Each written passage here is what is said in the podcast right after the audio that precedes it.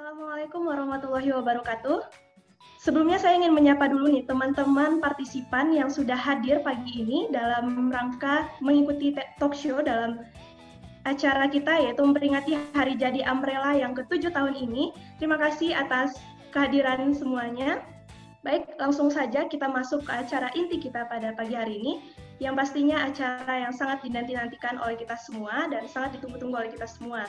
Apalagi kalau bukan talk show dengan tema optimalisasi generasi milenial dalam pencegahan penyalahgunaan narkoba demi kesehatan mental yang baik. Baik, sebelumnya saya ingin perkenalkan diri. Perkenalkan nama saya Diamisa Zahra selaku moderator yang akan memandu jalannya acara talk show kita pada pagi hari ini.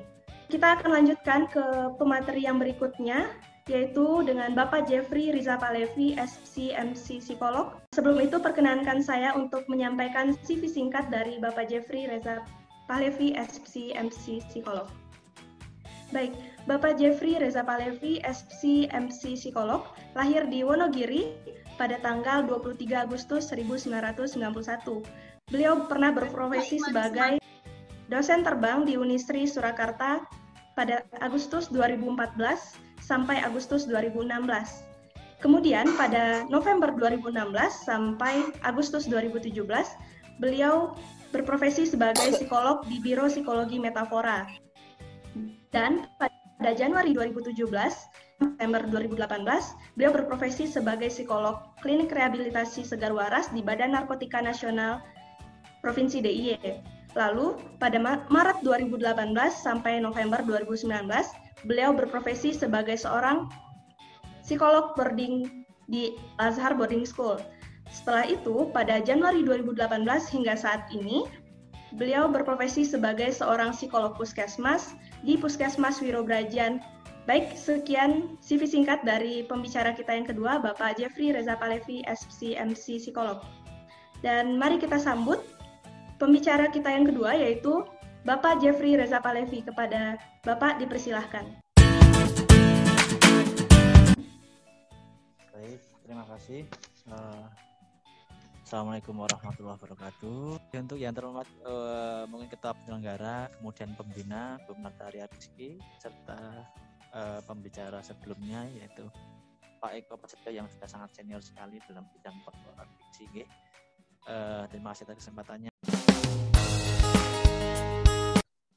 Baik Pak, saya ya. mulai dulu ya Pak. Baik, silakan Mbak. Oke, terkait dengan tema talk show kita pada pagi hari ini yaitu tentang optimalisasi generasi milenial dalam upaya pencegahan penyalahgunaan narkoba demi kesehatan mental yang baik. Nah, di sini kita akan membahas seputar kesehatan terkait kaitan antara narkoba dengan kesehatan mental yang baik. Nah, menurut Bapak, saya ingin bertanya, apa sih Pak bahaya narkoba terhadap fisik dan mental seorang pengguna atau pecandu narkoba. Silakan Bapak. Oh ya, baik, terima kasih.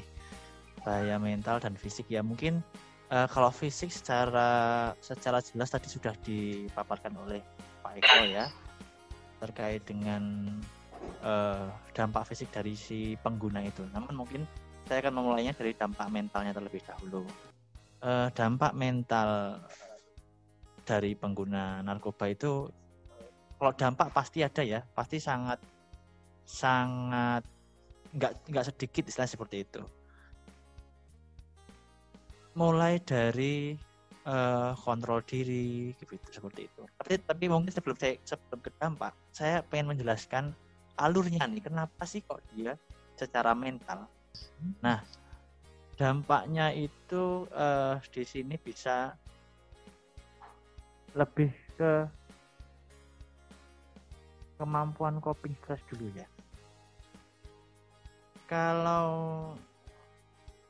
seorang yang yang memiliki yang pribadinya atau kepribadian itu memiliki coping stress. Coping stress itu kalau dalam psikologi namanya uh, artinya atau maknanya itu mekanisme diri kita dalam uh, apa namanya bertahan ya, mekanisme pertahanan diri dari ketika kita mengalami tekanan gitu secara psikologis secara alami ya mental kita itu akan mencari jalan untuk uh, cope untuk adaptasi dengan stresor itu. Nah, beberapa orang yang coping stresnya itu adaptif, misalkan nih, saya stres larinya ke makan, saya stres larinya ke nonton, ngopi atau ngobrol, nyanyi seperti itu, oke dia akan bisa uh, bisa beradaptasi dengan stresor, kemudian dia akan fight back gitu, akan akan berjuang kembali untuk menghadapi stresor itu. Tapi untuk orang-orang yang coping stresnya kurang adaptif, yang malah adaptif misalnya, kalau stres aku enakan tidur deh gitu, tidur lama gitu, tidur misalkan seharian atau mungkin dua hari, misalkan tidur pagi, bangunnya pagi lagi besoknya. Atau ada yang uh, kalau stres dia murung, mengurung diri aja kayak gitu. Atau bahkan ada yang agresi, agresi mungkin begitu stres dia pengennya mukul, banting dan sebagainya.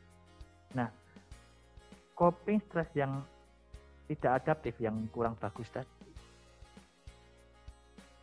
kadang diterima oleh orang lain dalam bentuk yang uh, dalam bentuk yang menyeramkan ya katakanlah seperti itu. Karena apa? Misalkan kita tahu teman kita lagi stres tapi dia kalau stres itu pelariannya ngamuk gitu. Otomatis kita akan menjauhi. Ada yang ada yang menjauhi ada yang ada yang ya kita secara terpaksa menjauhi ya karena secara fisik kalau ada orang ngamuk takut kena seperti itu. Tapi ada juga yang misalkan begitu stres kan mengurung diri di kamar gitu. nah orang-orang seperti itulah yang bisa jadi rentan untuk ketemu orang-orang dengan yang menawarkan narkoba tadi. Nah, dampaknya secara mental yang pertama adalah kemampuan problem solvingnya sangat rendah problem solving apa? Uh, problem solving itu apa? Problem solving adalah kemampuan seseorang untuk menganalisa dalam menganalisa dan mengambil keputusan pada sebuah. Problem solving adalah kemampuan seseorang untuk menganalisa dan mengambil keputusan terhadap problem yang sedang dia alami itu. Nah, kalau nih, kalau orang sudah menggunakan misalkan nih, misalkan menggunakan halusinogen gitu, dia lagi ada masalah, misalkan masalah dengan dosennya atau dengan temennya atau pacarnya mungkin ya. Seharusnya kan kalau misalnya ada masalah, ini aku aku cemburu nih misalnya, aku cemburu sama kamu karena kamu boncengin si A. Karena aku tahu kamu makan bareng si A. Eh, apa namanya? Kalau problem solving yang bagus kan seharusnya kita korek gitu, kita ajak ngobrol bareng-bareng gitu. Kenapa kamu kok bisa makan sama si A? Padahal waktu itu aku ngajakin kamu juga. Tapi kenapa kamu lebih Nah, itu kan kita problem solving lebih pada masalahnya. Tetapi kalau orang yang sudah punya, sudah menyalahgunakan nafsa, narkoba, narkotika, ya, itu akan uh, yang pertama dipicu itu bukan rasionalnya, tetapi lebih kepada emosionalnya.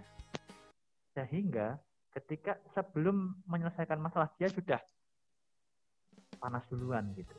Bukan panas duluan istilahnya memang dia nggak nyampe untuk mencari jalan menuju rasionalnya.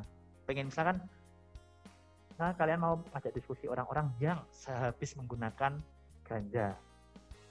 Otomatis uh, kalian tidak akan menemukan si bocah ki solusi ini kok gitu dari mana anak-anak ini kok nggak kok muter-muter aja sih so, uh, omongnya kok solusinya nggak ketemu-ketemu sih seperti itu. Nah bisa jadi eh, orang-orang yang oh bukan bisa jadi tetapi biasanya orang-orang yang sedang menggunakan narkoba dampak mental pertamanya adalah secara kognitifnya.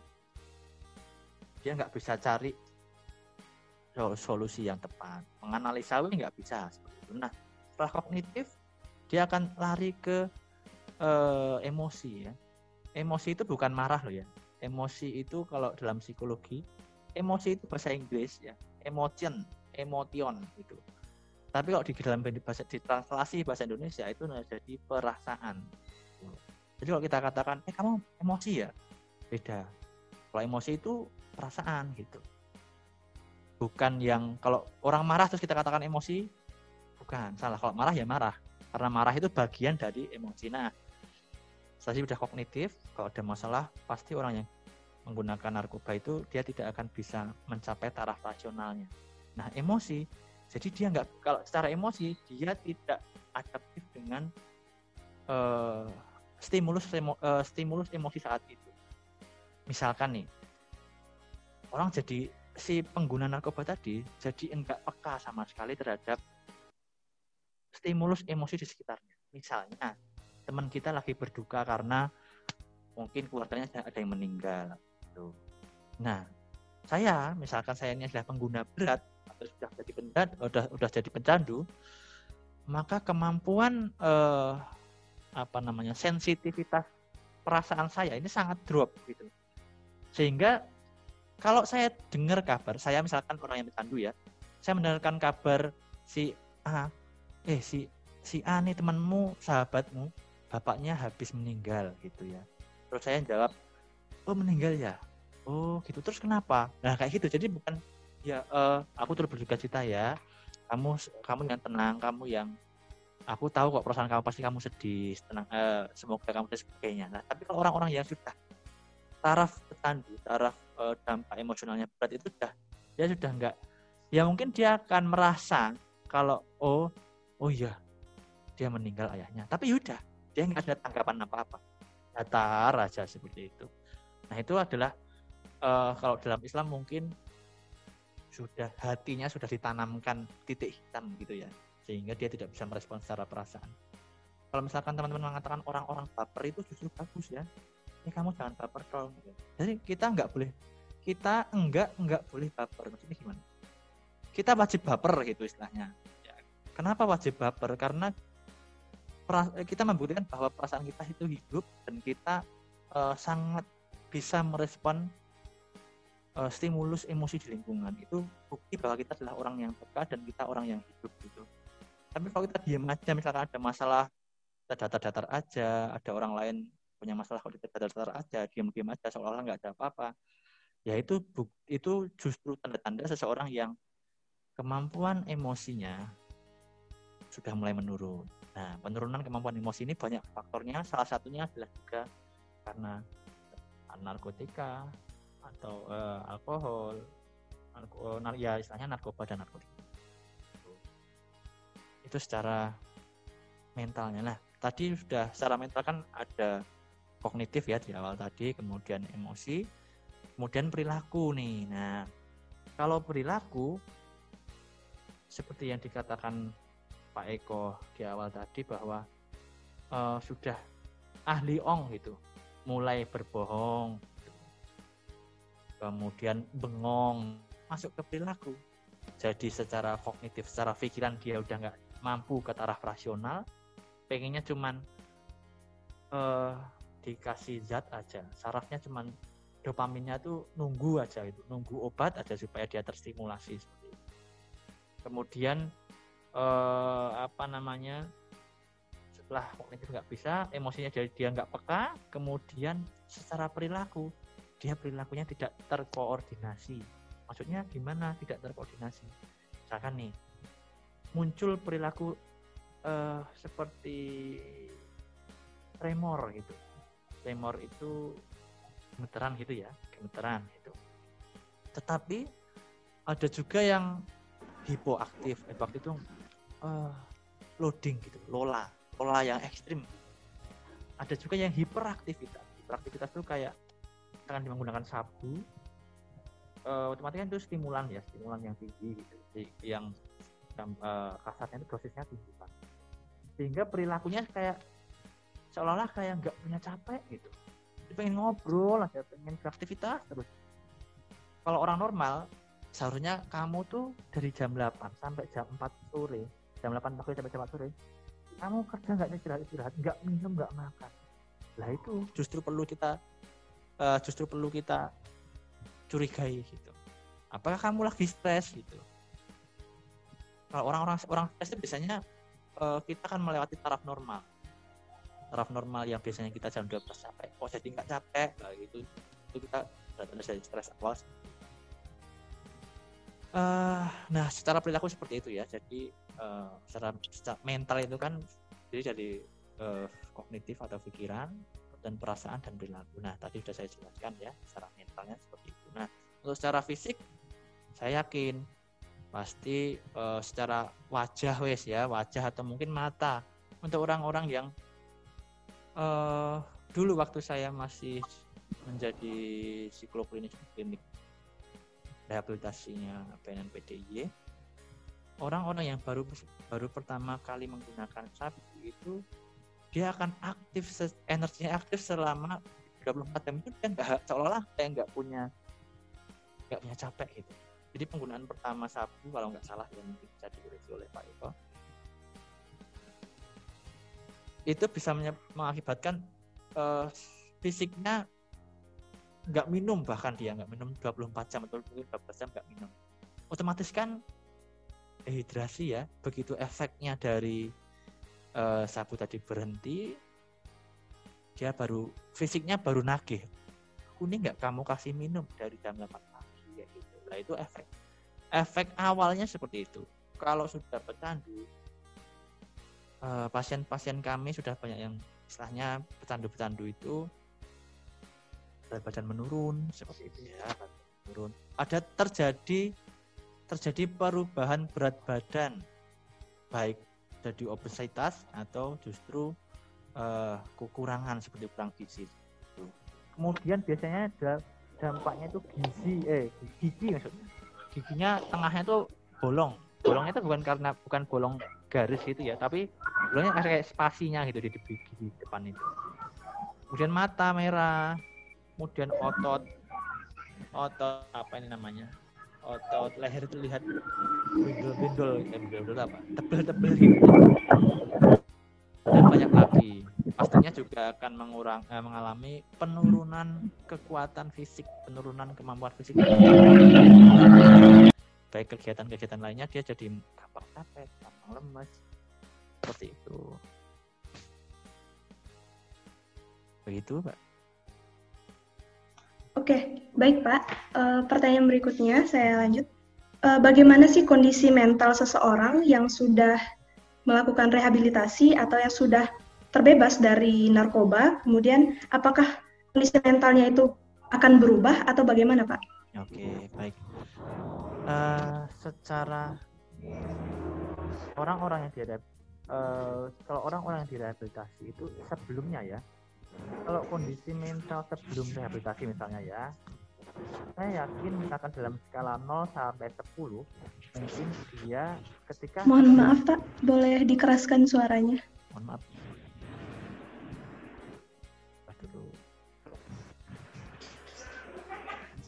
Uh, sudah? Cek cek. Ya, Pak. oke baik makasih. Uh, seseorang yang sebelum oh, pecandu ya sebelum direhabilitasi dan setelah direhabilitasi. Kalau sebelum direhabilitasi saya rasa kondisi mental umumnya kondisi mental umum lah ya belum kita merasakan kondisi mental umumnya dia itu kalau dikasih skala 0 itu buruk 10 itu bagus mungkin dia baru dalam skala 4 di bawahnya lima ya.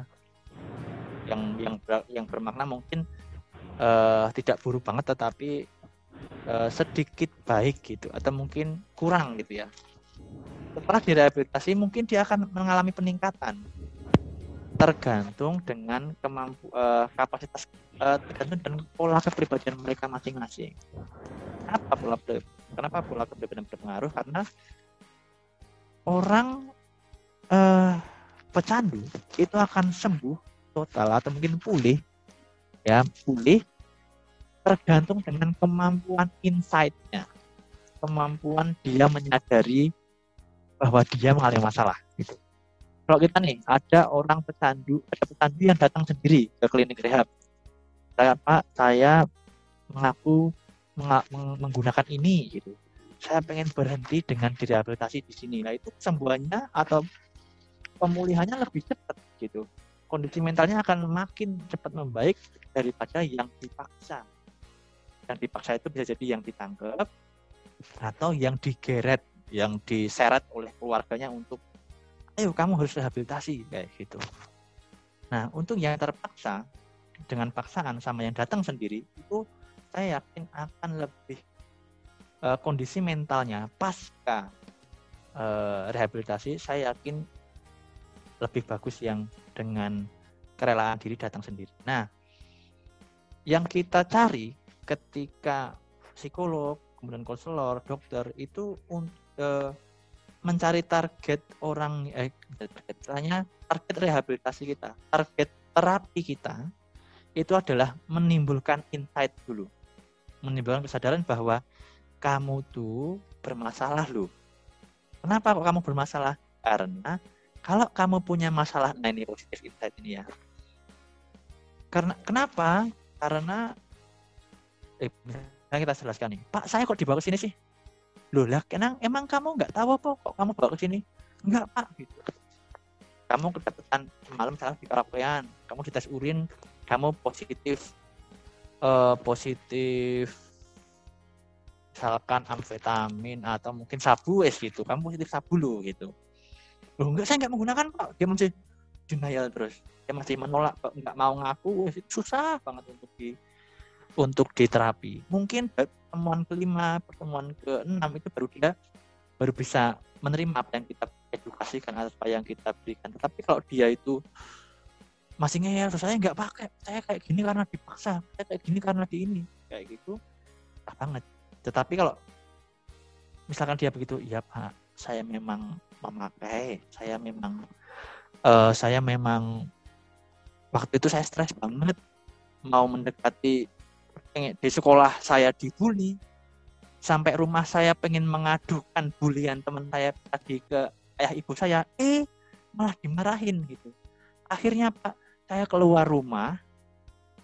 Saya nyari teman saya yang juga di luar rumah. Akhirnya saya dikasih tuh obat ini. Nah dikasih obat itu saya tidur pak.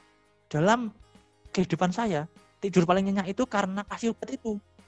Oh iya ya akhirnya dia merasa bahwa obat menjadi teman dia ketika dia sedang sakit hati. Nah kita kita targetnya menemukan itu menemukan bahwa ya pak saya memang punya masalah.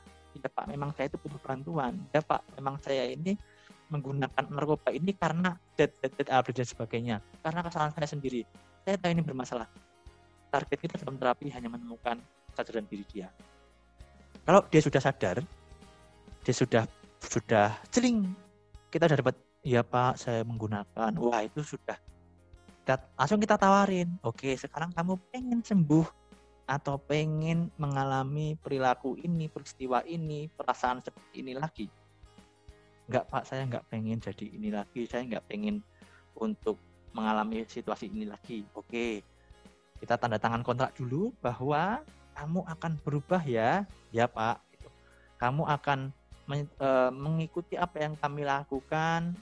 Kamu akan mengikuti setiap tahapan rehabilitasi. Iya pak kayak gitu. Oke.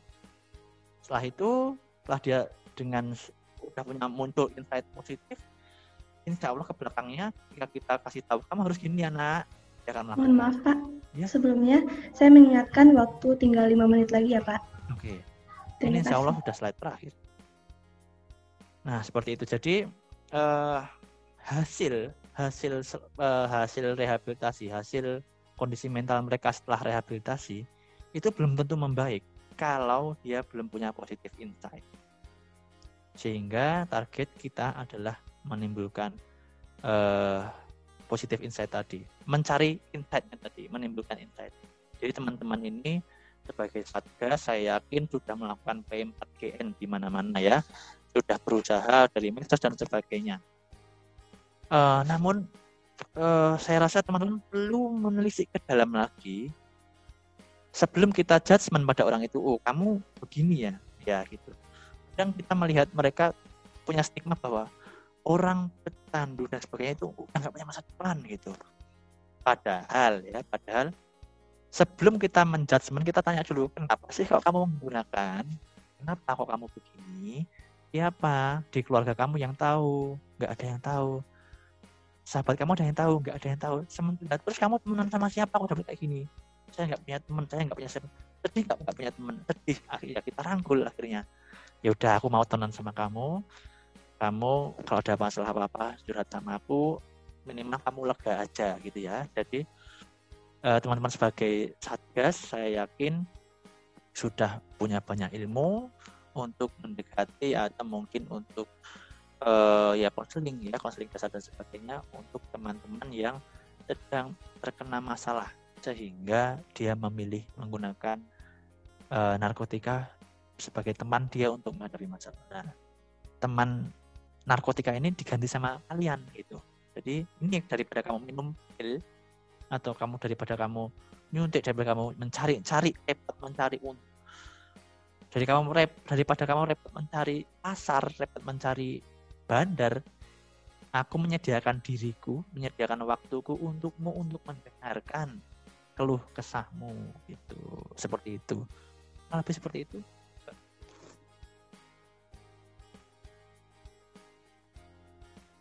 ya saya kembalikan ke moderator baik terima kasih bapak Uh, lanjut sedikit lagi Pak. Okay. Uh, eh, apa sih yang menyebabkan seseorang itu menyalahgunakan obat-obatan atau narkotika? Oke, okay, ya uh, kembali lagi ya. Sebenarnya kalau dirunut lagi secara psikologis, pola asuh, ya, pola asuh orang tua itu ini saya tidak menyimpulkan semuanya ya, tetapi dari beberapa pasien dari pengalaman saya menangani pasien dengan penyalahguna sebagai penyalahguna nafsa, kecandu dan sebagainya, diawali dari pola asuh orang tua yang kurang adekuat. Maksudnya apa? Satu misalkan orang tua sangat otoriter. Orang tua memaksakan nilai-nilainya. Misalnya begini, nah besok kamu harus jadi anak yang pinter. Di sekolahan kamu harus ranking satu gitu. Padahal orang tua tidak mengajari cara untuk jadi pintar itu seperti apa gitu orang tua hanya mengajari dengan caranya ada gitu misalkan orang tua ngasih tahu begini bapak tuh dulu kerja keras kayak gini uh, bapak tuh dipaksa sama mbahmu dipukul-pukul akhirnya bapak belajarnya rutin tiap jam 7 malam belajar baca buku sampai jam 2 malam seperti itu. Baru tidur besoknya lagi belajar lagi. Nah, kalau ya kita nggak bisa dipasang nggak bisa disamakan ya istilahnya. Nilai-nilai itu ketika nilai-nilai orang fakta mungkin usia orang tua kita misalkan 48 tahun yang lalu dengan kita sekarang yang usia 15 tahun, usia 27 tahun, 42 tahun sangat berbeda. Nah, akhirnya anak-anak jadi uh, dengan keotoritaran orang tua tadi anak-anak tidak punya tempat mengadu gitu. Akan tadi ya saya jelaskan tadi di kantor eh, di sekolah dia ada masalah. Ketika pulang kan pengen terus curhat didengarkan sama orang tuanya gitu ya. Pengen kayak pas masa kecil kan kayak gitu ya orang tua kan. Pas kamu pulang dari TK eh tadi ngapain? Di sekolahan dapat apa? gitu. Dan nakalin enggak pengennya kita itu orang tua akan seperti selama kehidupan kita. Pulang dari kampus gimana dek tadi sekolahnya susah enggak e, kamu disukain sama siapa, ketemu cowok sama siapa, cewek cantik siapa, Misalnya seperti itu ya. Bukan asik begitu sampai rumah ada obrolan gitu. Beda lagi dengan ketika kamu ada masalah di, di sekolahan, pulang ke rumah, bapak ibunya udah nggak di rumah. Lagi pengen cerita sama bapak ibunya, bapak ibunya udah berangkat kayak gitu. Otomatis permasalahannya ada numpuk di pikiran sehingga ah dia udah capek udah overload. Nah tinggal nih dia punya coping yang baik atau enggak? Kalau dia punya coping yang baik olahraga. Kalau stres dia olahraga cari temen curhat itu akan lebih membantu gitu. Akan terhindar dari bisa jadi uh, punya peluang untuk terhindar dari nafsa tapi kalau dia ada masalah nggak ada teman curhat nggak ada yang mendengarkan nggak ada yang support dia. Bahkan nggak ada yang menerima dia. Misalkan begini. Menerima maksudnya gimana? Aku anak baru nih di hidup Buana misalkan. Di rumah aku udah menganggap diriku ini adalah orang yang dibuang. Maksudnya aku ini nggak didengarkan sama ayah ibuku ayah ibuku lebih mementingkan adikku atau kakakku misalkan seperti itu. Itu kasus pasien saya seperti itu. Ya dia memutuskan untuk ngekos gitu ngekos kuliah misalnya jauh ya dari dia dari Jakarta dia sekolah ke Jogja di Buana itu masuk di Buana dia masuk kosan merasa dirinya inferior gitu ya. Merasa dirinya aku tuh pantas nggak jadi sini? Masuk di Mercu Buana dia ketemu teman yang sukanya bully juga. Eh apa sih? Kamu orang Jakarta ke sini gitu. Atau dia ketemu orang dengan budaya ngomong yang maaf kalau orang Batak gitu ya. Orang Sumatera itu kalau ngomong intonasinya akan lugas gitu ya. Nggak kayak mungkin nggak kayak saya yang orang uh, Jawa Tengah gitu ya bagian timur gitu kan. Kalau ngomong kadang ada pekewu-pekewuhnya gitu. Tapi orang orang-orang yang itu ngomong kan tanpa basa-basi meskipun maksudnya pun sama. Nah ketika orang yang sukanya uh, pendiam suka minder ketika ketemu orang-orang yang ngomongnya lugas kan kadang-kadang merasa kok dia ngomongnya gitu sih kok. Hati-hati banget ya dia ngomong kayak gitu tuh kayak gitu. Akhirnya dia merasa waduh aku nggak diterima lagi nih. di rumah aku dibuang di kampus aku nggak diterima. Terus aku harus ke mana nih? Kayak itu dia masuk. Akhirnya mungkin kalau di, di diagnosa dia udah masuk ke fase depresi ringan sedang. Nah dari situ kalau ada fasilitas dia mencari atau mendapatkan nafsa ya dia mencoba setelah mencoba dia mendapatkan efek secara fisiknya dulu. Secara fisik apa efeknya? Tidur. Atau mungkin dia bisa melakukan sesuatu yang sebelumnya tidak bisa dia lakukan. Nah sehingga loh aku sedih gak ada yang bisa mendengarkan. Selama ini aku gak bisa tidur malam. Begitu dapat obat ini dikasih sama temanku kok tidurku nyenyak sih? Akhirnya aku pengen tidur lagi ah enak lagi. Dia belilah lagi nanti akan naik taraf-taraf selanjutnya. Udah nggak cukup lagi. Apa apa udah nggak cukup lagi obat-obat penenang obat tidur dan sebagainya. Dia akan naik ke level selanjutnya sampai ke putau ke ganja ke sabu inek dan macam-macam. Nah kuncinya dia bisa kena atau enggak yang pertama itu dari pola asuh dulu ya. Pola asuh itu membentuk pribadi yang gimana yang tangguh atau enggak gitu. Nah maka dari itu dalam slide saya ini dukungan keluarga menjadi sebuah faktor utama, faktor terbesar orang itu terhindar, ya terhindar loh ya, bukan bukan sembuh tetapi dukungan utama pola asuh keluarga dan dukungan keluarga, eh pola asuh orang tua dan dukungan keluarga itu menjadi faktor utama sebagai pencegahan eh, pencegahan supaya tidak terkena nafsa ya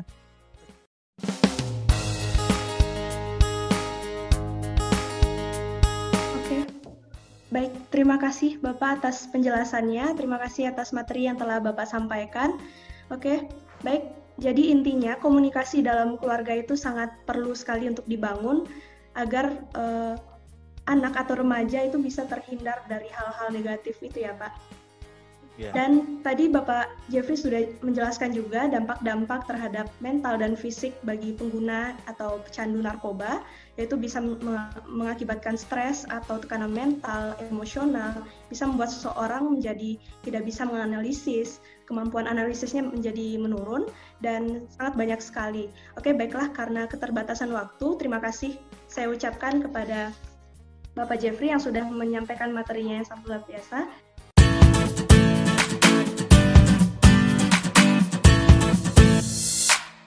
Baik, langsung saja saya akan menyimpulkan hasil keseluruhan dari talk show kita pada hari ini. Narkoba adalah narkotika, psikotropika, dan zat adiktif. Ada jenis-jenis narkoba menurut Undang-Undang Kesehatan nomor 9 tahun 1976, yaitu morfin, heroin, ganja. Kalau psikotropika ada depresan, stimulan, halusinogen, dan zat adiktif ada nikotin, kafein, sedatif, hipnotika, dan masih banyak lagi. Dan bahaya-bahaya narkoba untuk pe bagi pecandu atau peng pengguna narkoba yaitu bisa menyebabkan tekanan mental, stres, emosional yang tidak terkontrol, juga bisa mengakibatkan kurangnya daya analisis seseorang dan seseorang menjadi tidak mampu untuk berpikir atau mencari solusi secara rasional Kemudian kondisi seseorang yang sudah bebas dari narkoba atau yang sudah melakukan rehabilitasi itu akan ber, mental kondisi mentalnya akan berubah tergantung dengan kemampuan insight-nya. Apabila seseorang memiliki kesadaran diri sendiri untuk bahwa dia sadar bahwa dia sadar atas kekurangannya, dia akan mampu ada kesadaran diri dalam dirinya untuk bangkit dari masa masa-masa itu dia akan mampu keluar mendapatkan mental yang lebih baik dibandingkan orang yang dipaksakan untuk sembuh. Di sini peran keluarga dan lingkungan sangat-sangat diperlukan untuk mencegah narkoba bagi generasi milenial ya. Baik segitu dulu kesimpulan yang dapat saya berikan. Mohon maaf atas segala kesalahan dan akhirnya berakhirlah acara talk show kita pada siang hari ini. Sekali lagi saya ucapkan terima kasih yang sebesar-besarnya kepada partisipan yang sudah hadir di acara talk show kita hari ini dan terima kasih banyak kepada kedua pemateri yang yang telah menyampaikan materi yang sangat luar biasa. Mohon maaf atas segala kesalahan dan ketidaknyamanan. Saya mohon pamit undur diri. Saya Diami Sazara selaku moderator yang telah memandu jalannya acara kita pada siang hari ini. Mohon maaf sekali lagi atas segala salah dan hilaf. Terima kasih atas perhatiannya. Assalamualaikum warahmatullahi wabarakatuh.